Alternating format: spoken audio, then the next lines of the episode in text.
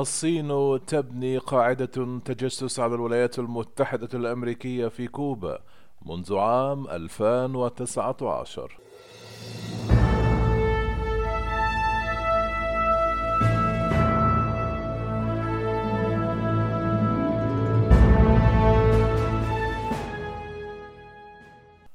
قال مسؤول في إدارة الرئيس الأمريكي جو بايدن أن الصين تدير قاعدة تجسس في كوبا منذ عام 2019 على الأقل كجزء من جهد عالمي من جانب بكين لتحديث قدراتها في مجال جمع المعلومات الاستخباراتية.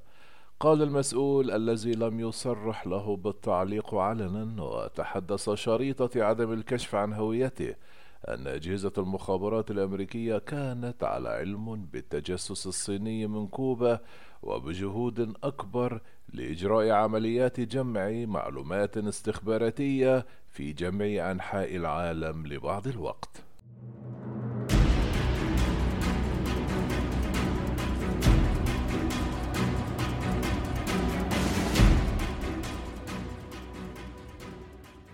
صعدت إدارة بايدن جهودها لإحباط الضغط الصيني لتوسيع عمليات التجسس وتعتقد أنها حققت بعض التقدم من خلال الدبلوماسية وإجراءات أخرى غير محددة وفقا للمسؤول المطلع على المخابرات الأمريكية في هذا الشأن. فتم تأكيد وجود قاعدة تجسس صينية بعد أن ذكرت صحيفة وول ستريت جونرال يوم الخميس المنصرم أن الصين وكوبا توصلتا إلى اتفاق من حيث المبدأ لبناء محطة تنصت إلكترونية في الجزيرة. كما ذكرت الصحيفة أن الصين تعتزم دفع مليارات الدولارات لكوبا التي تعاني من ضائقة مالية كجزء من المفاوضات. قال المتحدث باسم مجلس الأمن القومي بالبيت الأبيض جون كيربي في مقابلة مع إم بي إس NBC News يوم الخميس لقد رأيت هذا التقرير الصحفي. إنه غير دقيق. ما يمكنني قوله هو أننا نشعر بالقلق منذ اليوم الأول لهذه الإدارة بشأن إنشاء أنشطة التأثير الصينية في جميع أنحاء العالم.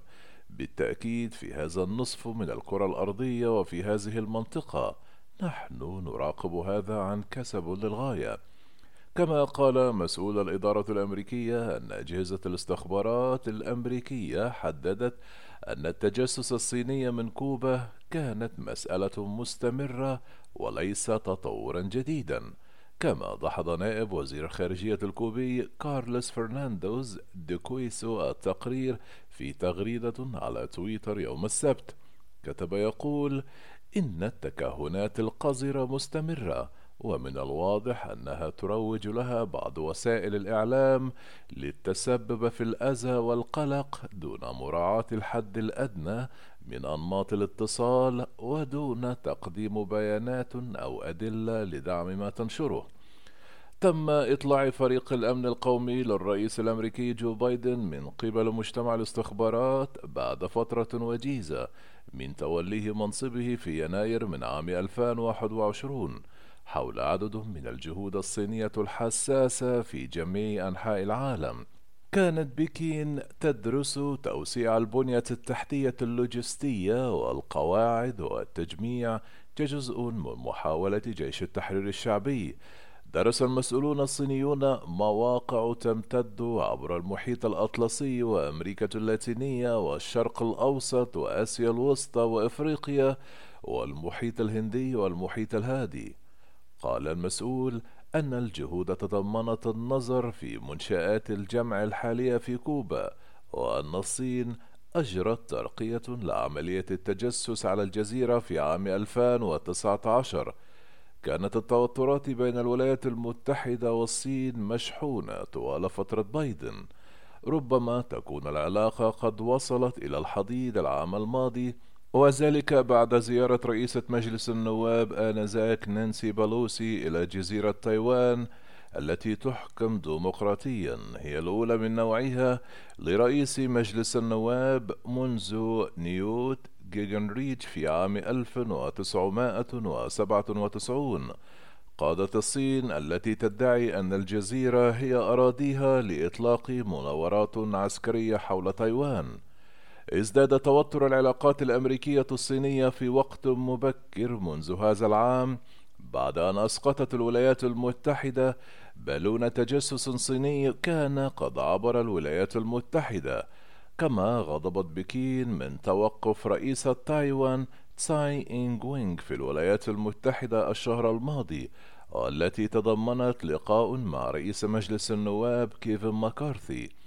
واستضاف المتحدث الزعيم التايواني في مكتبة رونالد ريغان الرئاسية في جنوب كاليفورنيا.